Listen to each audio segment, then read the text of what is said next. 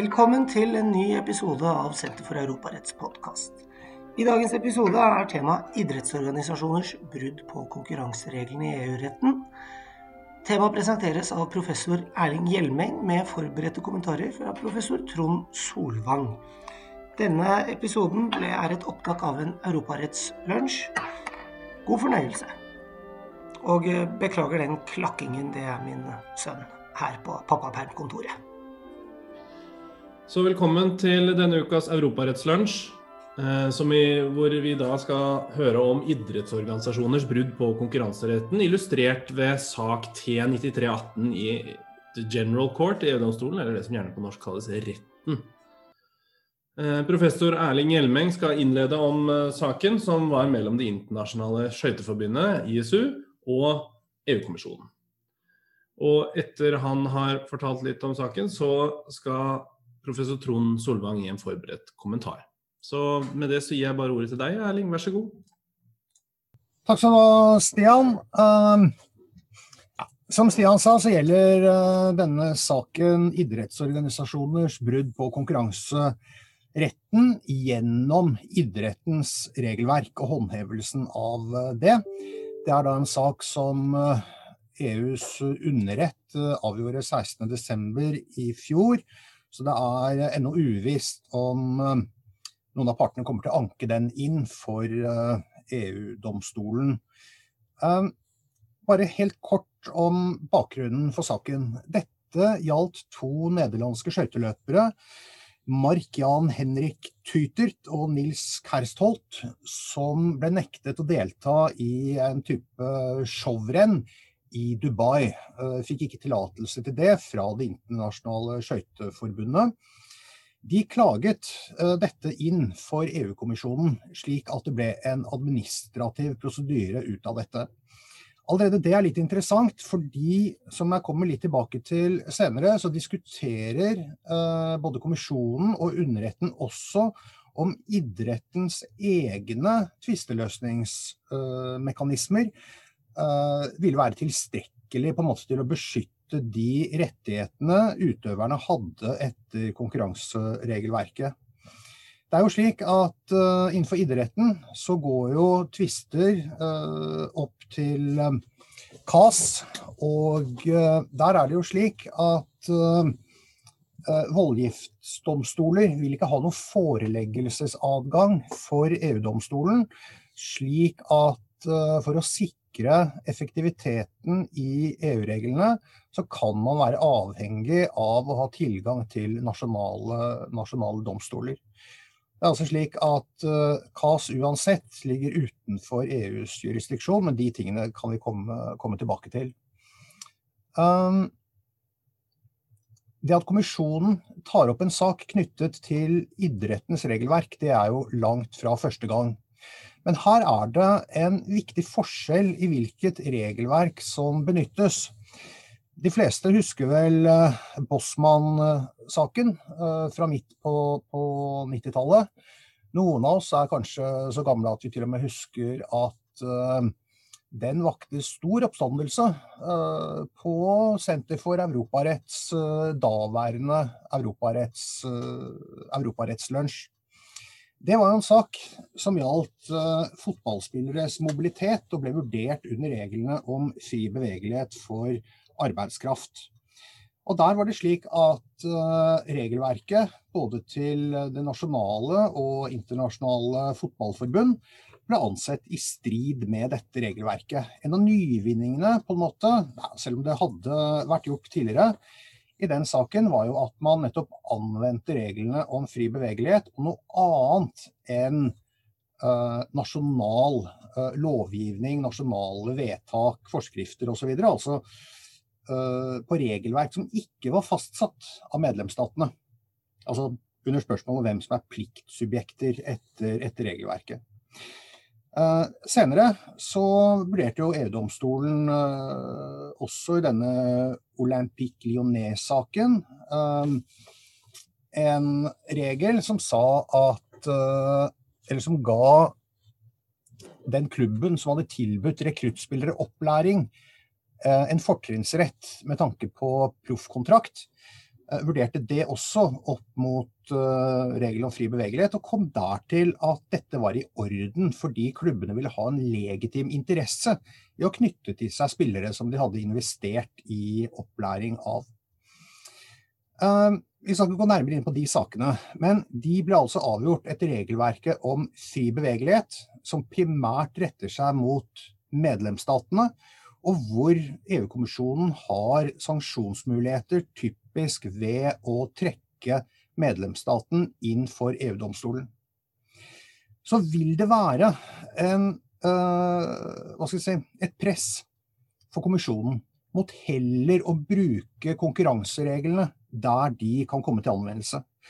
Og Det skyldes at EU-kommisjonen har ingen håndhevelsesmyndighet overfor idrettsorganisasjoner under reglene om fri bevegelighet. Det er kanskje noe som er oversett uh, ganske ofte. Derimot, så lenge idrettsorganisasjonen kan ses på som et foretak, slik at konkurransereglene gjelder, da vil EU-kommisjonen ha kompetanse til å nedlegge forbud, uh, gi overtredelsesgebyr, bøter, uh, tvangsmult for å sikre etterlevelse osv. Og Det betyr at EU-kommisjonen, hvis de kan velge, vil ha en interesse i å bruke konkurransereglene for foretak heller enn reglene om fri bevegelighet, fordi de har en øh, mulighet til også å håndheve regelverket. Hvis man bruker de fire friheter, så er man prisgitt øh, at øh, organisasjonene øh, føyer seg. Eventuelt så vil EU-kommisjonen gå på nasjonale myndigheter for å få dem til å forby uh, de ulovlige reglene. Innenfor idretten så har vi også eksempler på at uh, staten har vært uh, direkte involvert i restriksjoner. En sak som har en del paralleller til den vi, vi snakker om i dag, det er Moto E-saken, som domstolen også viser til i denne skøyteavgjørelsen.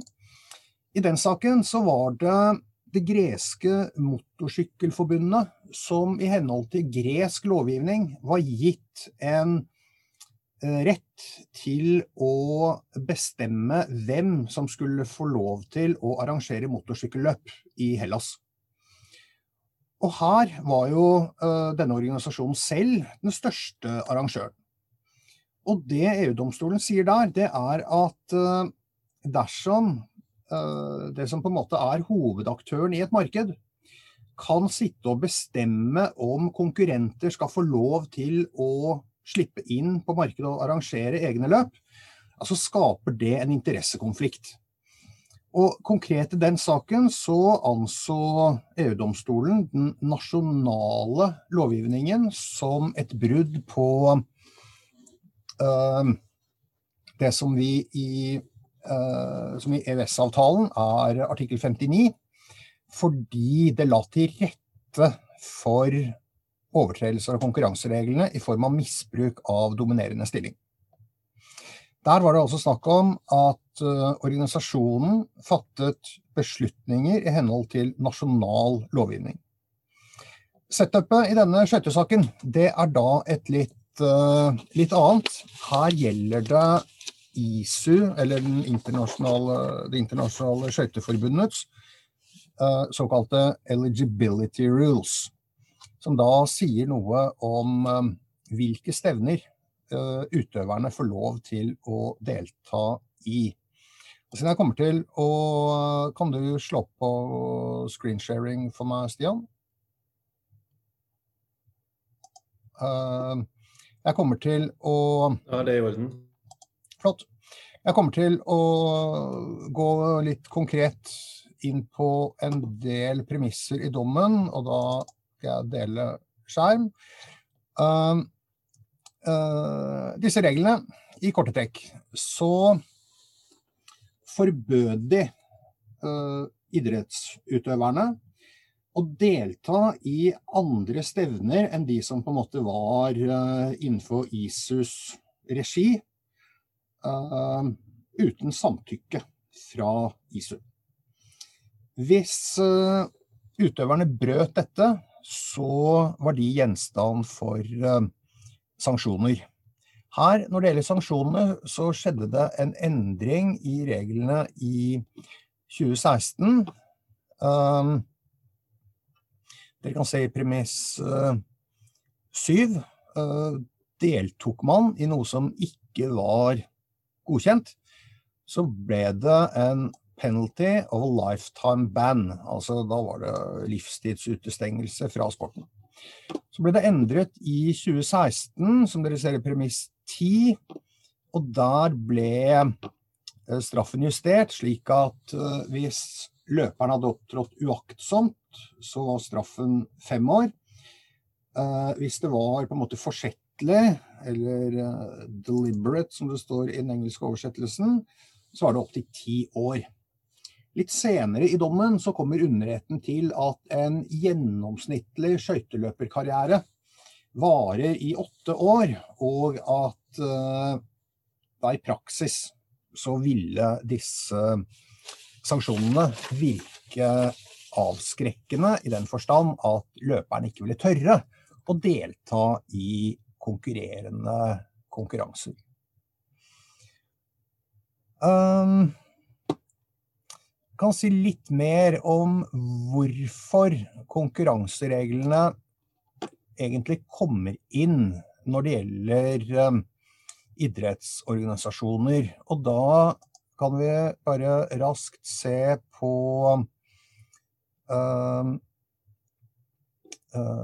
Se på, på, artikkel 101 i uh, skal vi se uh, Et øyeblikk. Kan vi se på artikkel 101 i uh, traktaten om Den europeiske unions virkemåte.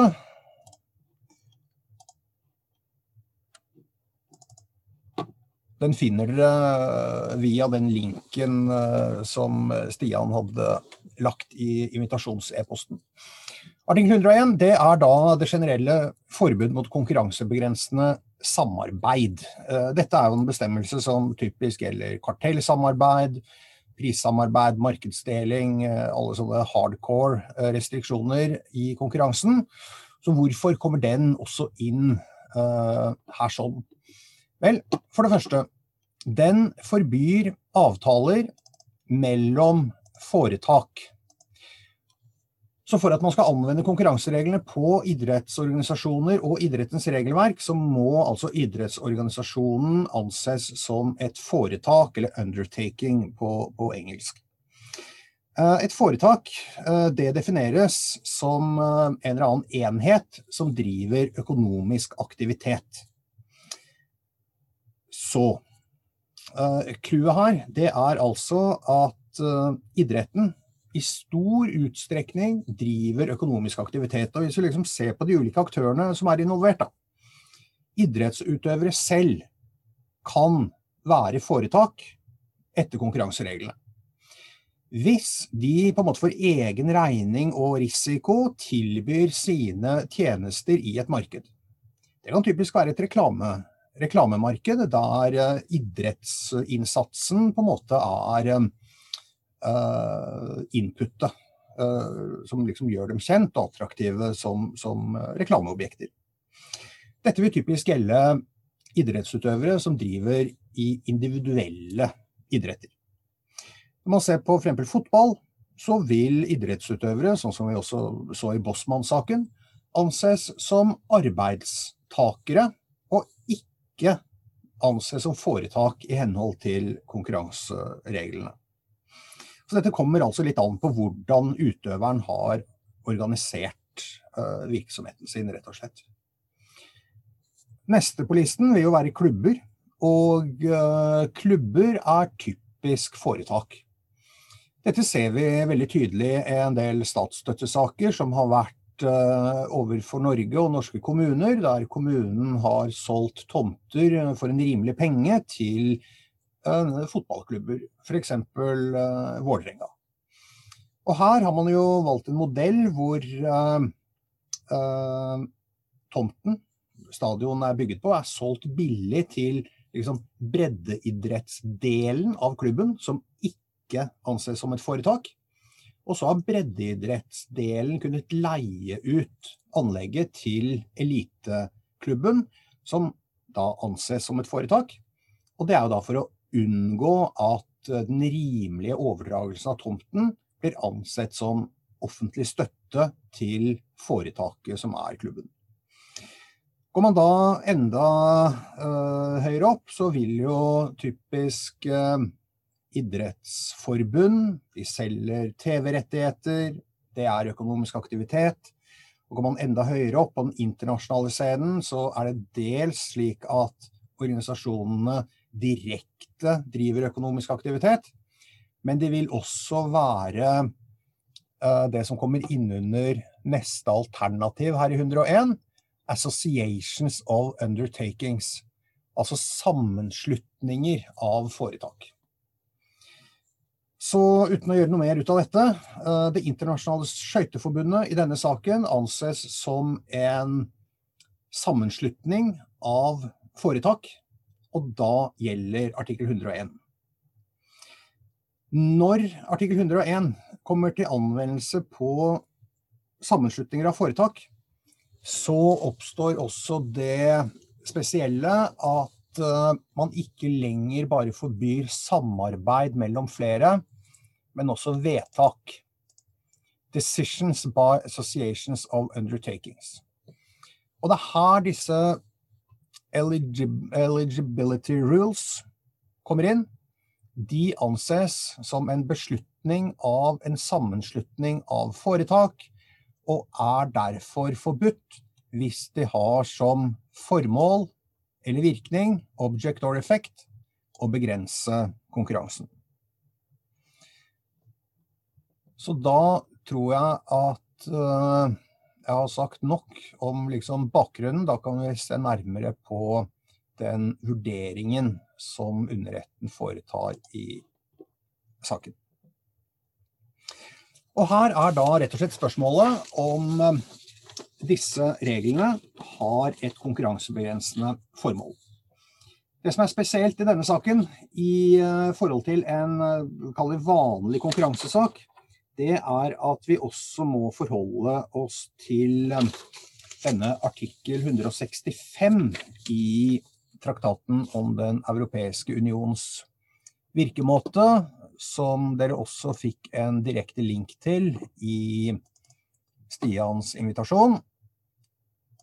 Den ser vi her, og der er det eh, første ledd uh, del 2.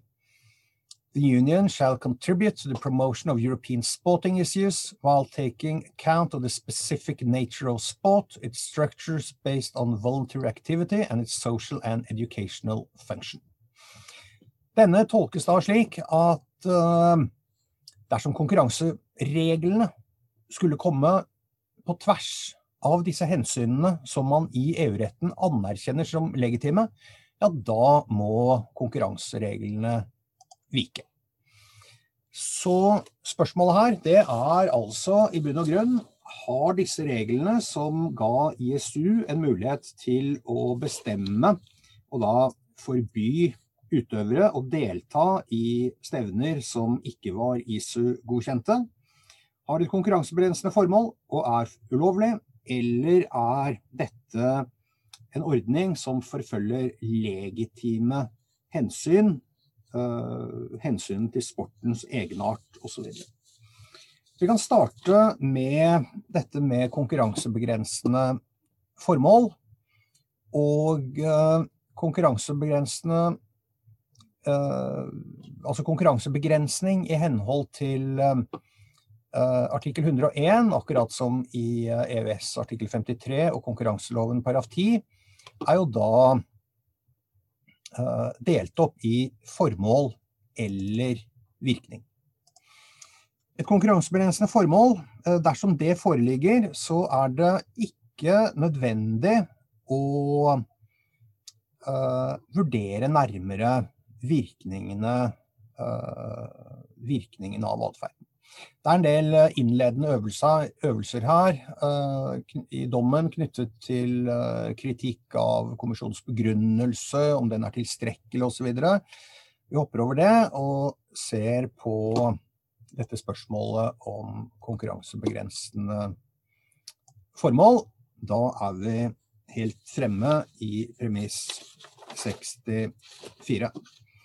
Og her ser dere i premiss 65 for å rammes av forbudet i artikkel 101, så må en beslutning fra en sammenslutning av foretak have as its object or effect uh, en begrensning i konkurransen. I premiss 66 snakker man nærmere om dette konkurransebegrensende formålet, og sier at uh, det er et konsept som bare kan anvendes på visse typer av koordinering mellom foretak, som da by their very nature, etter sin art, viser en tilstrekkelig grad av konkurranseskade. Dette er et konsept som er litt vanskelig å liksom ramme inn ordentlig. Det er ikke slik at uh, en formålsvurdering på en måte er en forenklet virkningsvurdering.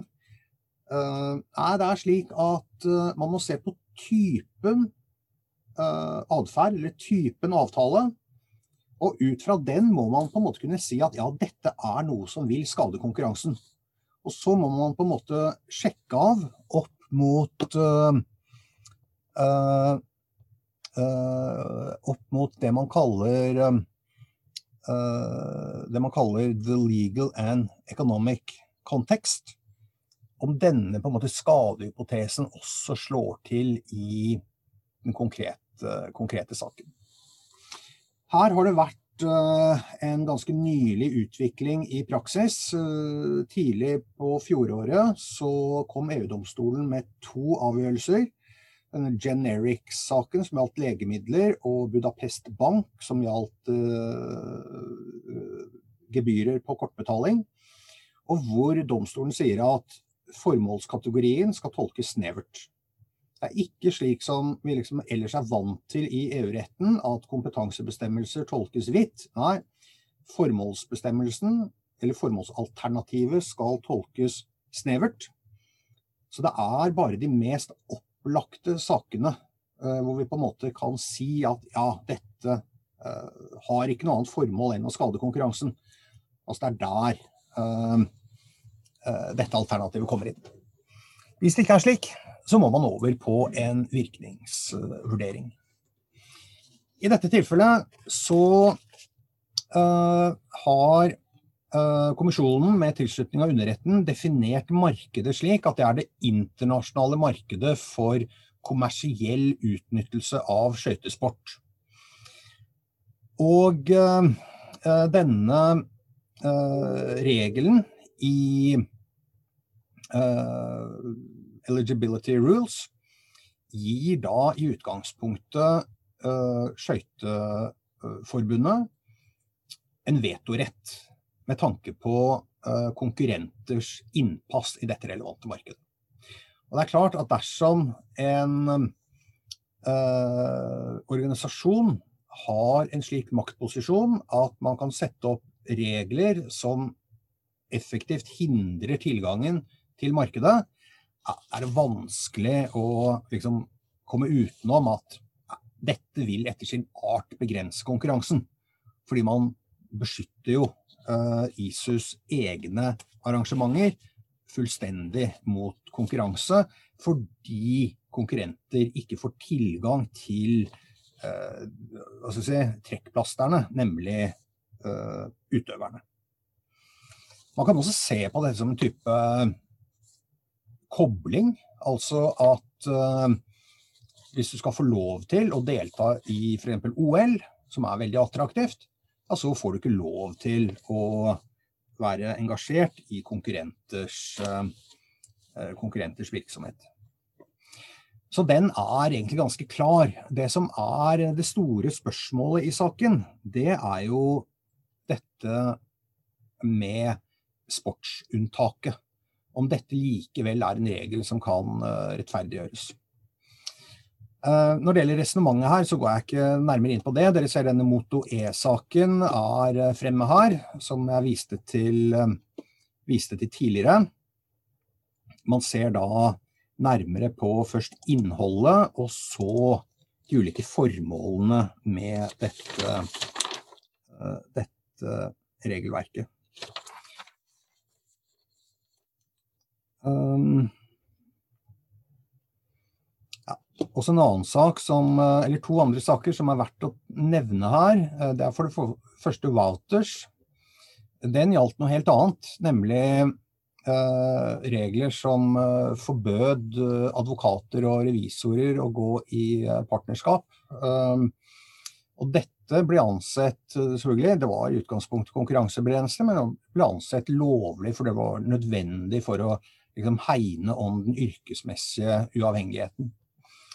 Mekka Medina-saken gjaldt idretten og dopingregler, og det ble kan man sikkert si at dopingreglene begrenser konkurransen, men dette lå innenfor kjernen av sportsunntaket i den utstrekning det i det hele tatt eh, ble fanget opp av konkurransereglene. Så her er det noen eh, disse sakene som da ligger i bak, eh, bakgrunnen. Jeg ser at tiden går, så jeg tror jeg skal hoppe til det som er rett og slett det mest relevante. Og det er denne proporsjonalitetsvurderingen og også spørsmålet om hva man faktisk eh, godtar eh, av hensyn som da kan rettferdiggjøre slike konkurransereguleringer. Og her er det egentlig eh, kanskje særlig to ting. Eh, det er, eller særlig én ting da, som man kan dele opp i flere underhensyn. Og det er rett og slett hensynet til idrettens og sportens integritet, som man er inne på her i premiss 101. The Court of Justice has previously recognized that the protection of the integrity of the sport constitutes a legitimate objective. Og der viser man bl.a. til denne Mekka Medina-saken, som da også er parallell med Wouters. Um, og det uh, Skøyteforbundet bl.a. Uh, uh, forsvarte seg med her, det var at uh, dette var nødvendig for å hindre uh, illegitim uh, veddemålsvirksomhet knyttet til løpene. Med uh, iboende risks of manipulation of competition and athletes. Det er altså et lovlig hensyn. Akkurat det samme vil selvfølgelig være uh, doping. Og jeg mener typisk uh, at uh, for et idrettsforbund å sette forbud mot deltakelse hvor det ikke er oppfølging av dopingregelverket, vil være helt legitimt. Problemet til idrettsorganisasjonen her var at reglene ikke ga anvisning på slike konkrete formål. Det betød at eh, reglene kunne, uh, kunne uh, utnyttes, og dermed var det ikke proporsjonalt uh, utformet. Som det står her, they go beyond what is necessary to achieve such an objective within the meaning of the case law cited lenger opp, altså de sakene vi har vært uh, vært inne på som da bakteppe. Og uh, så der har vi altså dette med hensynet til idretts- eller sportens integritet som kan begrunne slike konkurransereguleringer. I tillegg hadde kommisjonen ment at uh, disse reglene uh, tok sikte på å beskytte ISUs økonomiske interesser. Og alle som har syslet litt med unntaksregler i EU-retten, vet at uh, økonomiske hensyn, det vil man sjelden godta. Men det retten legger til her, i premiss 109, det er da at selv om uh, 2016-reglene also pursue an objective of protecting the applicant's economic interests, it should be noted that the fact that the Federation seeks to protect its own economic interests is not in itself anti-competitive. Men her er det klart at dersom man bruker slike regler til å beskytte seg mot legitim konkurranse fra aktører som på en måte oppfyller krav til doping, ha eh, kontroller knyttet til eh, veddemål osv., så, videre, så vil ikke denne beskyttelsen mot konkurranse være et legitimt, eh, legitimt hensyn. Derimot, mer konkret kan man jo trekke en parallell til den saken jeg også nevnte innledningsvis, Olympique Lyonnais, der investeringene og liksom hensynet til å rekruttere yngre spillere kunne begrunne at den klubben som da la penger på bordet og investerte i spilleren, også fikk en fortrinnsrett til uh, proffkontrakten. Så er det et par andre anførsler her som vi ikke trenger å gå inn på, bl.a. at uh, siden dette gjaldt uh, tvisten gjaldt et stevne i Dubai, så gjaldt ikke EU-reglene. Det ble avvist fordi disse sanksjonene i form av utestengelse selvfølgelig også ville gjelde innenfor EØS-området. Uh, til slutt, uh, det punktet hvor ISU fikk uh, medhold, det gjaldt da det gjaldt da det kommisjonen hadde sagt om at voldgiftsinstituttet, som da var eksklusiv tvisteløsningsmekanisme her, og som dermed avskar eh, skøyteløperne fra å gå til nasjonale domstoler, det var derfor de gikk til kommisjonen i stedet, eh, at det eh, skjerpet skadevirkningene av reglene. Og det mente da retten her at kommisjonen ikke hadde, ikke hadde vist. Det som kanskje er viktig å ta med seg fra idrettens perspektiv, det er uh, det man sier i premiss 161. Uh, hvor det heter at uh, Han viser da til the findings set out above. Contrary to what is argued by the Commission, use of the CAS arbitration system is not such as to compromise the full effectiveness of EU competition law. Det innebærer altså at man anerkjenner uh, eh, CAS som idrettens tvisteløsningsmekanisme. Men det er en viktig ting her uh, som nyanserer dette lite grann, nemlig at uh, CAS vil jo da være en eksklusiv tvisteløsningsmekanisme når det gjelder vedtak fra idrettsorganisasjonene.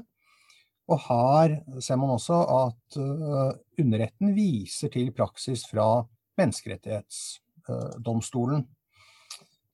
Um, det man tar med som et viktig tillegg her, det er at uh, selv om CAS har eksklusiv kompetanse når det gjelder spørsmål om lovlighet av vedtak osv., så, videre, så vil utøvere som måtte lide økonomiske tap som følge av organisasjonenes brudd, ha en absolutt rett i henhold til EU-retten uh, til å gå til nasjonale domstoler og kreve erstatning. The fact remains that skaters may bring, if they so wish, an action for damages before a national court. Og det betyr altså at uh, veien til nasjonale domstoler og en mulig foreleggelse til EU-domstolen likevel ikke er stengt. Fordi utøverne på en måte kan bypasse CAS-systemet ved å gå til erstatningssøksmål for nasjonale, nasjonale domstoler.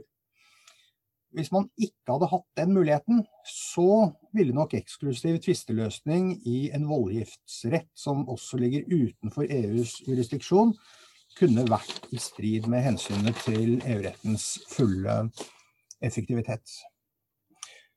Så jeg tenker at uh, det er nok, uh, så jeg gir meg der.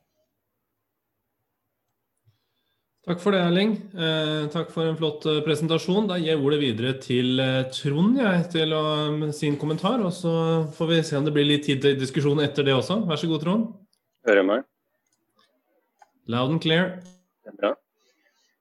Eh, takk skal du ha, Erling. Jeg tenker i min kommentar å på rendyrke eller se, se, litt på kjernen i dette her, sånn som jeg opplever etter å, etter å ha lest dommen. Og det berører jo mye av det du har vært innom, åpenbart. Men, men jeg prøver på en måte å spisse, spisse det litt for å, for å, få fram det jeg ser som hovedproblemstillinger her. altså og For å begynne i da, eh, den enden hvor saken for så vidt starta, for å forenkle litt, så var det sånn at eh, ISUs regelverk den gang i 2014 det hadde to komponenter som ble her sett i sammenheng. altså Det var det du eh, var inne på med eligibility rules, altså som gjelder reglene for altså, aksept av, av skøyteutøvere, deltakere. Men ikke minst reglene for godkjenning av eh, autorisering altså av konkurrerende eller tredjeparts, jeg kaller det tredjepartsaktører eh, i, det, i, dette her. Og, og, og, Det var den ene komponenten. Den andre var dette med straffebestemmelser for utøvere som deltok i ikke-autoriserte konkurranser. Så, så, så, Sammenhengen mellom disse tingene det er det jeg leser i dommen som, som helt sentralt her. og det er klart at man da ser, har en modell hvor Eh, hvor, hvor da ISU eller eh, forbundet har eh, etter egne regler full diskresjonære adgang til å si nei til tredjepartsaktører, og samtidig har drakoniske straffebestemmelser for utøvere som til tross for et sånt nei måtte delta i de tredjepartsarrangementene, så har man et ganske tight konkurranseverktøy som fort kan misbrukes. Og, og, og, og sammenhengen mellom det er jo opplag som du var inne på, Erling, også, altså hvis en tredjepartsaktør får et nei for å, å opprette et, eh, altså et alternativt konkurrerende arrangement, så vil jo en straffebestemmelse avskrekke utøvere fra å, å, ta del i det. og Da er det næringsgrunnlag eh, for den tredjepartsaktøren. Og på den annen side, hvis noen skulle være så dristige av utøvere eh, stole så blindt på en eller annen ytterliggående EU-konkurranserett at de likevel tar del i det og så får livstidssanksjon, så, så, så, er jo det, altså, det er et utslag av måte, den samme meka mekanismen i, i, det. Og så kommer det som og, og, og, og, på en måte på, I det bildet så ble saken brakt inn på kommisjonen, eh, og, med da pålegg mot eh, ISU. Og, så er det i mitt hode litt interessant, for i 2016 så eh, gjorde jo Kongressen i SU endringer. og da For å imøtekomme kravene fra, fra, fra, fra, kommisjonen. Og så vet vi at det ble ikke godkjent, for de var heller ikke gode nok, eh, disse si, endringene av, av, av, vedtektene i 2016. Men det er litt verdt å se litt på hva, hva det innebar i hovedsak. For på, på dette med eligibility, godkjennelsessiden, så, så ble det på en måte eh, eh, nyansert da, eh, ved å etablere kriterier for for eh, godkjennelse fra ISUs side. Og man tok bort dette som var der tidligere som et hovedhensyn med økonomisk interessen til ISU. Så man tok mer sånne formuleringer som idrettens verdigrunnlag, antidette, altså betting, ikke, ikke, ikke veddemål og dopingreglementer osv. Sånn, som kriterier for, for, for akseptprosedyren for tredjepartssøkere. Men så var jo ikke det heller i mine da, eh, eh, mitt uttrykk godt nok. Eh, og jeg bare gir noen eksempler på det. Eh, man mente i, altså Domstolen mente at eh, det var sider ved disse kriteriene som fortsatt ikke virket helt kan si, nøytrale. Da.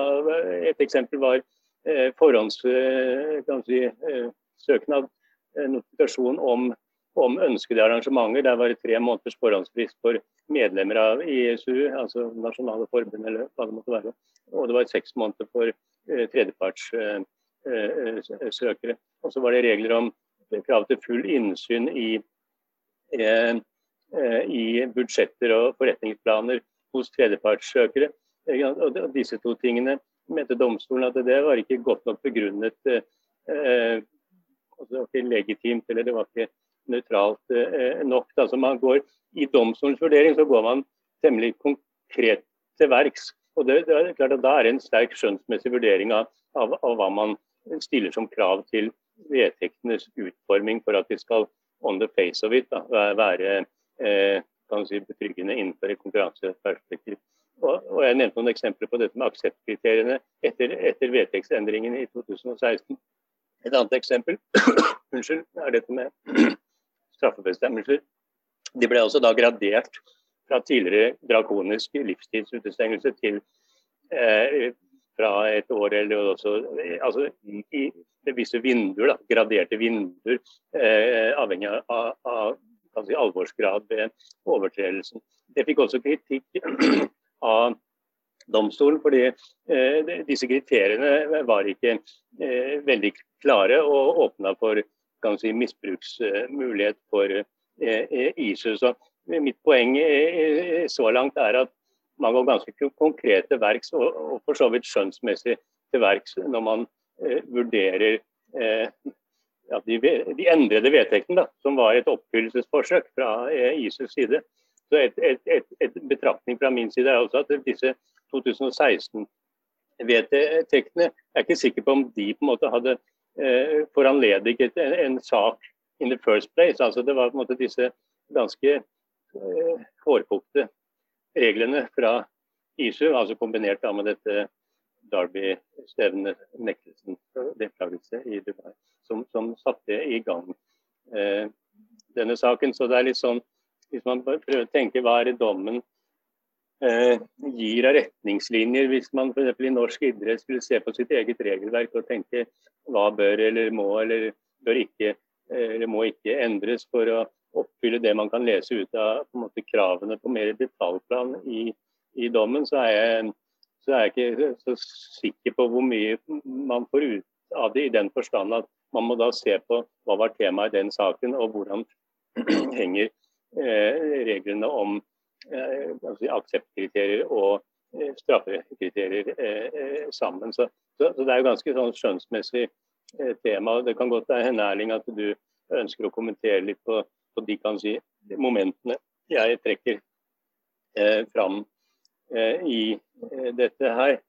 Eh, men, men, men, men sånn for, med fare for overforenkling, da, hvis man har måte, fornuftige kriterier, altså at man har kriterier som viser at man eh, ivaretar en oppriktig si, ja, hensyn eller undersøkelse av legitime formål, altså doping, antibetting, eh, andre typer ting, vil jeg tro det kan være. F.eks. har vel vært et tema vært oppe i norske diskusjoner om si, sånn tredjepartsarrangører samarbeid med, med, med, klubber. fordi Når man arrangerer arrangementer, så er man til en viss grad avhengig av vil jeg tro, å innlemme også den frivillige idretten. Og at man da stiller kriterier f.eks. Om, om rimelig kompensasjon eller samarbeidsforhold til, til lokale idrettsaktører. Eller den type ting som, som jeg tenker ligger innenfor retningen av de legitime særegne idrettshensyn. Altså at man har det på plass i et regelverk, sånn at man kan noenlunde kikke aktørene i kortene etter hvilke kriterier er det og Nå snakker om akseptprosedyrer for tredjepartsaktører blir vurdert. Det er den ene komponenten. Og den andre komponenten er eh, dette med straffebestemmelser. Altså at man da har et fornuftig regelverk som er nyansert. Og, da, og, på det punktet kan man jo ha denne dommen som en slags lakmustest. Hvordan var det Eh, ISU formulerte sine straffekriterier, eh, og, og hvordan man, kan man da gjøre det bedre eller mer transparent eller mer forutberegnelig. Eh, altså på straffesiden, altså hvis noen skulle da eh, delta i konkurranser som ikke er ikke autoriserte. Så, så det er vel denne sammenhengen mellom de komponentene i det som er ganske sentralt. Eh, sentralt. Og så ønsker jeg bare to kommentarer eller kort til slutt om det, på dette med voldgiftsbestemmelser. ja, Jeg har ikke så mye tilføyd til det du sa, Erling, men, men eh, en betraktning er jo at eh, når man først havner på en måte i, EU-kverna, altså kommisjonskverna, så, så, er det ganske hardhendte eller ganske grov, grov, grovkalibra skyts, eller hva man skal si, fra kommisjonens side. fordi dette poenget med, med, med voldgift illustrerer vel det. altså de de brukte jo da denne voldgiftsbestemmelsen, altså denne eksklusive idrettsjurisdiksjonen opp til KAS eh, som eneste vei som utøvere kunne gå hvis de skulle klage over vedtak om ikke samtykke til deltakelse osv. Altså at den veien er kanskje innenfor eh, idretten og kastsystemet, som vi vet. Eh, og, og, og, Kommisjonen så vel det som en forsterkning av det uheldige konkurransevridningselementet. Altså at eh, jurisdiksjonen var ikke fri for altså Utøvere kunne ikke velge fritt eh, hvilke tvistemekanismer man skulle bruke osv. Og, og på det punktet så fikk jo ikke kommisjonen medhold i domstolen. Da. Men, men, men, mitt poeng der er at eh, det er et ganske komplekst eh, tema. og Der sier vel domstolen ganske klart at her har kommisjonen på en måte undervurdert eller ikke helt sett totaliteten i hensynene bak denne kan si, særegne tvisteløsningsmekanismen i internasjonal idrett. Og så, som du sa, Erling, så sier jo domstolen i tillegg at dessuten så kan vi ikke si at en sånn eksklusiv uh, rettspleieordning er utvannende i konkurransesammenheng, i og med at uh, utøvere som mener seg berettiga, uberettiga kan si, utestengt og ikke vinner fram i idrettens system, står likevel fritt til å prøve det samme spørsmål i et konkurransekravssammenheng for sivile domstoler. Altså, det er ikke domstolene bundet av hva KAS måtte ha kommet til på, på eh, gyldigheten av utestengelsesvedtak osv. Så sånn, sånn at man har, og man har Konkurransetilsynet og, og disse konkurranseorganene i, e, hos oss og i EU som man også kan klage til. og Det gjelder også tredjeparter som mener seg urettmessig ikke sluppet inn i som som arrangementsaktør. Så, så, poenget mitt med de siste kommentaren var mer en observasjon om at, at det er ganske man, Når man først er innenfor det jeg kan kalle rettighetskverna i EU, så er kommisjonen eh, ganske hår eh, i, i, de verktøyene de, de bruker. Og, og, det er jo da nyttig også fra, på den måten å ha en domstol til å, til å gi sluttsvaret. Så, så jeg tror, ja, jeg har vel Det var egentlig de momentene jeg ønska å gå gjennom, og så kunne man kanskje ja, oppsummere hva jeg har sagt. Men jeg tror jeg bare lar det eh, ligge der. Eh, takk. Takk, Trond. Da avslutter jeg også opptaket.